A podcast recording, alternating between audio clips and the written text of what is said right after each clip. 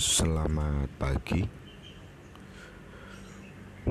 Eh, nggak tahu ding. Nanti saya ng- nguploadnya kapan ya? Tapi intinya sih ini pagi-pagi sambil nunggu giliran mandi saya iseng-iseng ini record SM eh, SM episode maksudnya episode yang kedua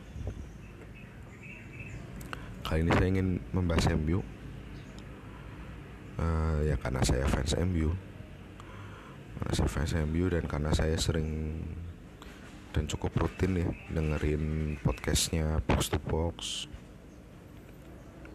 Nonton YouTube-nya Coach Justin Enjeng sama nonton YouTube-nya Bang Panji juga sebenarnya lebih ke politik sih tapi dia pernah bahas MU dan saya ya sebagai fans MU dari 99 pengen juga lah eh, cuap-cuap anfaidah soal MU versi tempe mendoan.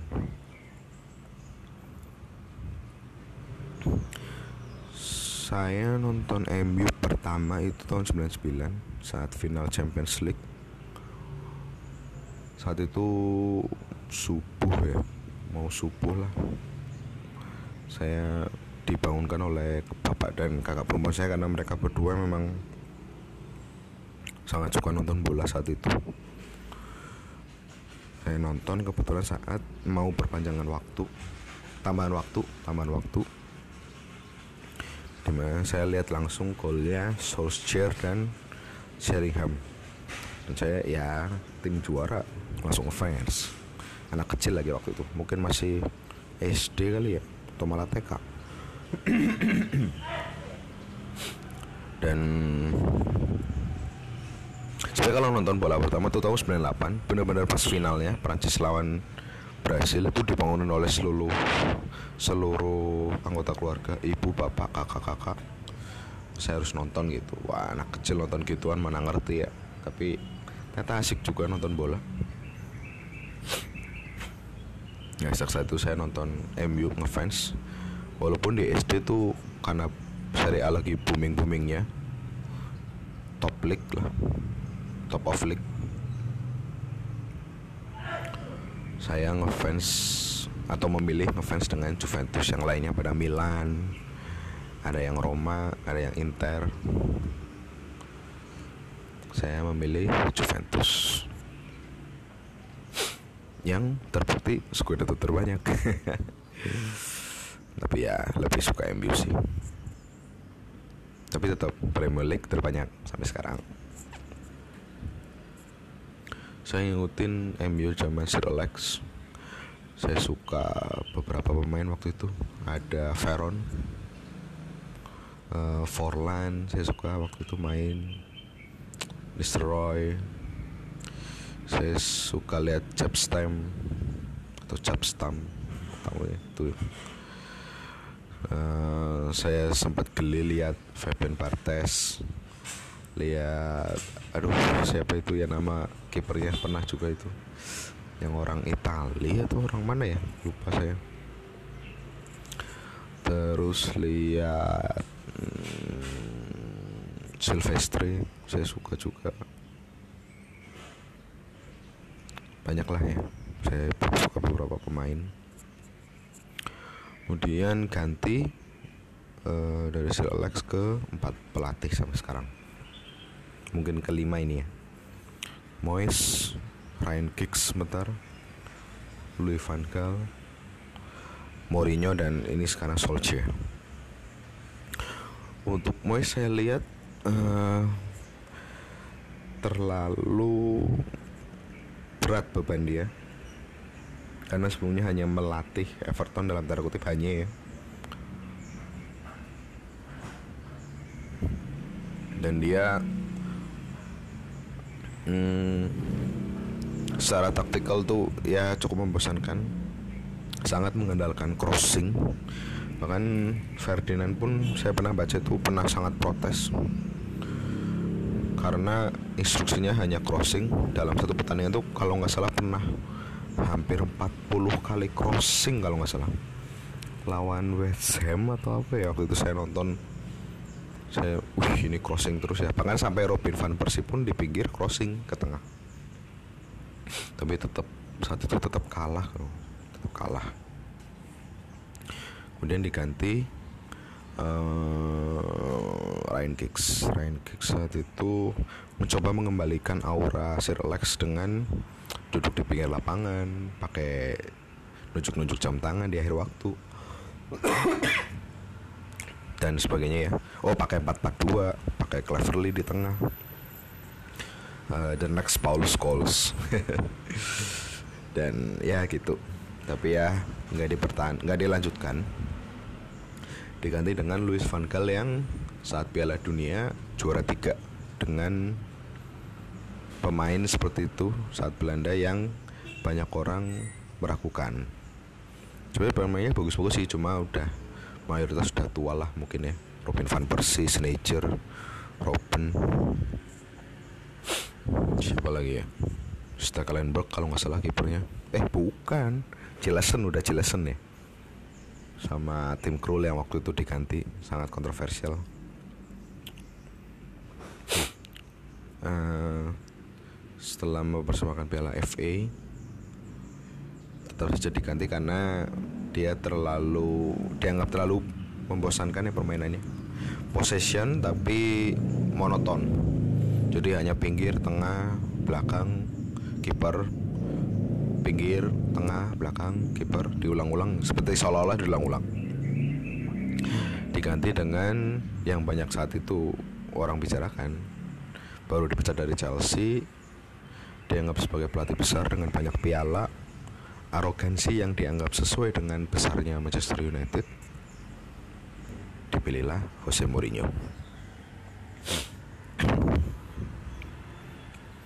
um, Jose Mourinho itu menurut saya saya ngikutin dari zaman Porto ya karena terutama saat ngalahin MU dari nonton MU lawan Porto kalah dan selebrasinya itu sangat menyebalkan. Uh, yang jelas tuh mereka seperti atau saya nggak tahu mana Mourinho dulu atau Simeone duluan ya mereka itu seperti Atletico eh maksudnya Mourinho itu seperti Atletico dia itu ya udah uh, pressing dengan main bertahan.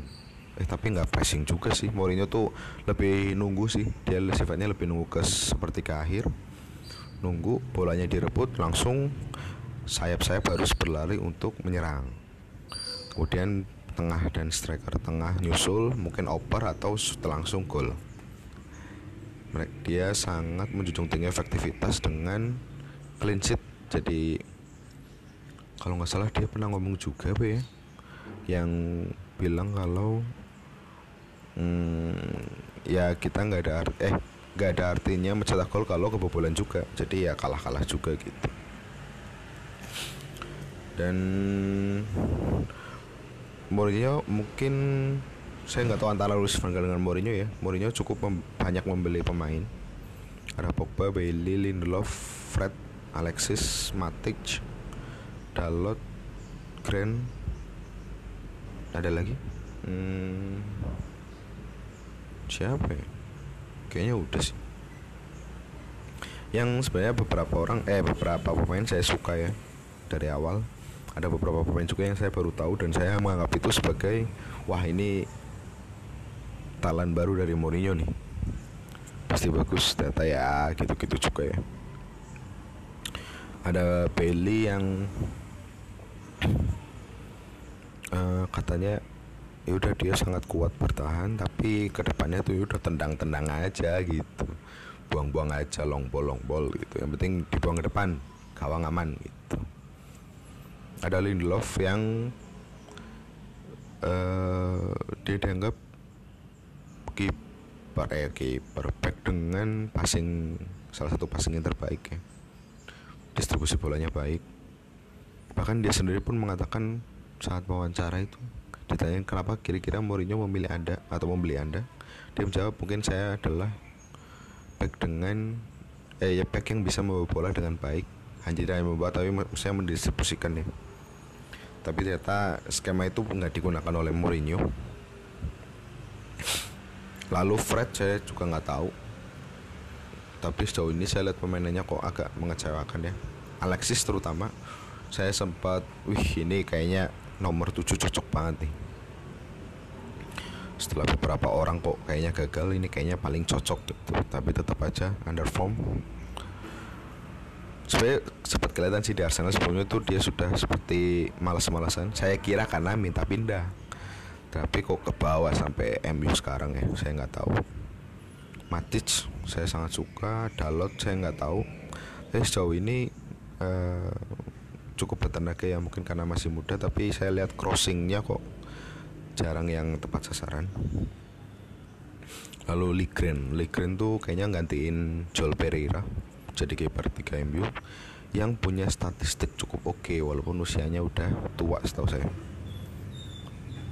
Jadi ya sebenarnya bagus sih tapi nggak tahu kenapa ya di bawah Mourinho kayaknya kok kurang termaksimalkan gitu potensi pemainnya lalu diganti dengan Solskjaer.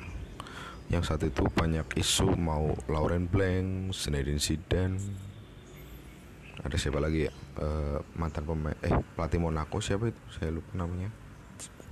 Tapi ternyata Solskjaer yang mungkin karena yang pertama aura legendnya ya itu sangat legend. Lalu dalam tanda kutip keberhasilan Solskjaer yang bisa membawa Malmo Malmo uh, menjadi juara Liga Norwegia. Uh, Soldier tuh ya nah julukannya ya Babyface Assassin dia mukanya tuh lucu banget ya. Mungkin kalau saya tuh ngeliatnya ya dia nggak berwibawa sama sekali. Tapi mungkin juga itu yang dibutuhkan MU sekarang. Uh, yang penting suasana ruang ganti cair kedekatan dengan pemain cair nggak ada proses di sana jadi ya udah kita sahabatan aja gitulah ibaratnya uh, pemain nyaman dengan pelatih, pelatih santai dengan pemain, harapannya performa diangkat dan terbukti performanya naik. Dan saya melihat Solskjaer itu di lima pertandingan awal ini dia tidak tidak mirip ya kayaknya dengan Sir Alex yang sangat 442 menurut saya. Dan dia tetap menggunakan pakem 433 saya nggak tahu apakah karena kebutuhan pemain mungkin ya atau adanya pemain seperti itu. Nah, um, dia menggunakan 4-3-3 di mana wingbacknya sangat maju ke depan, sangat sangat membantu tiga tiga pemain tengah maupun tiga pemain depan dan meninggalkan Matic atau Herrera di belakang bersama dua center back. Nah, dia itu tiki saya ball possession tapi jarak antar pemain sangat dekat. Dan memastikan bahwa bola tidak terlalu lama di satu pemain. Jadi hanya satu dua detik oper dua detik.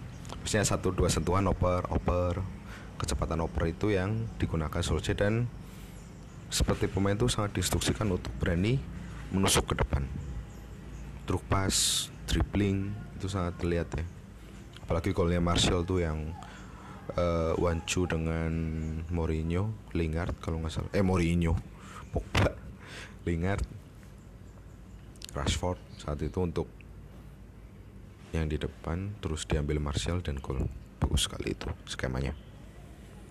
Dan saya menganggap bahwa nanti sepertinya akan ada masa depan cerah walaupun ada pasti ada kekalahan. Tapi setidaknya bisa lah masuk empat besar dengan Solskjaer.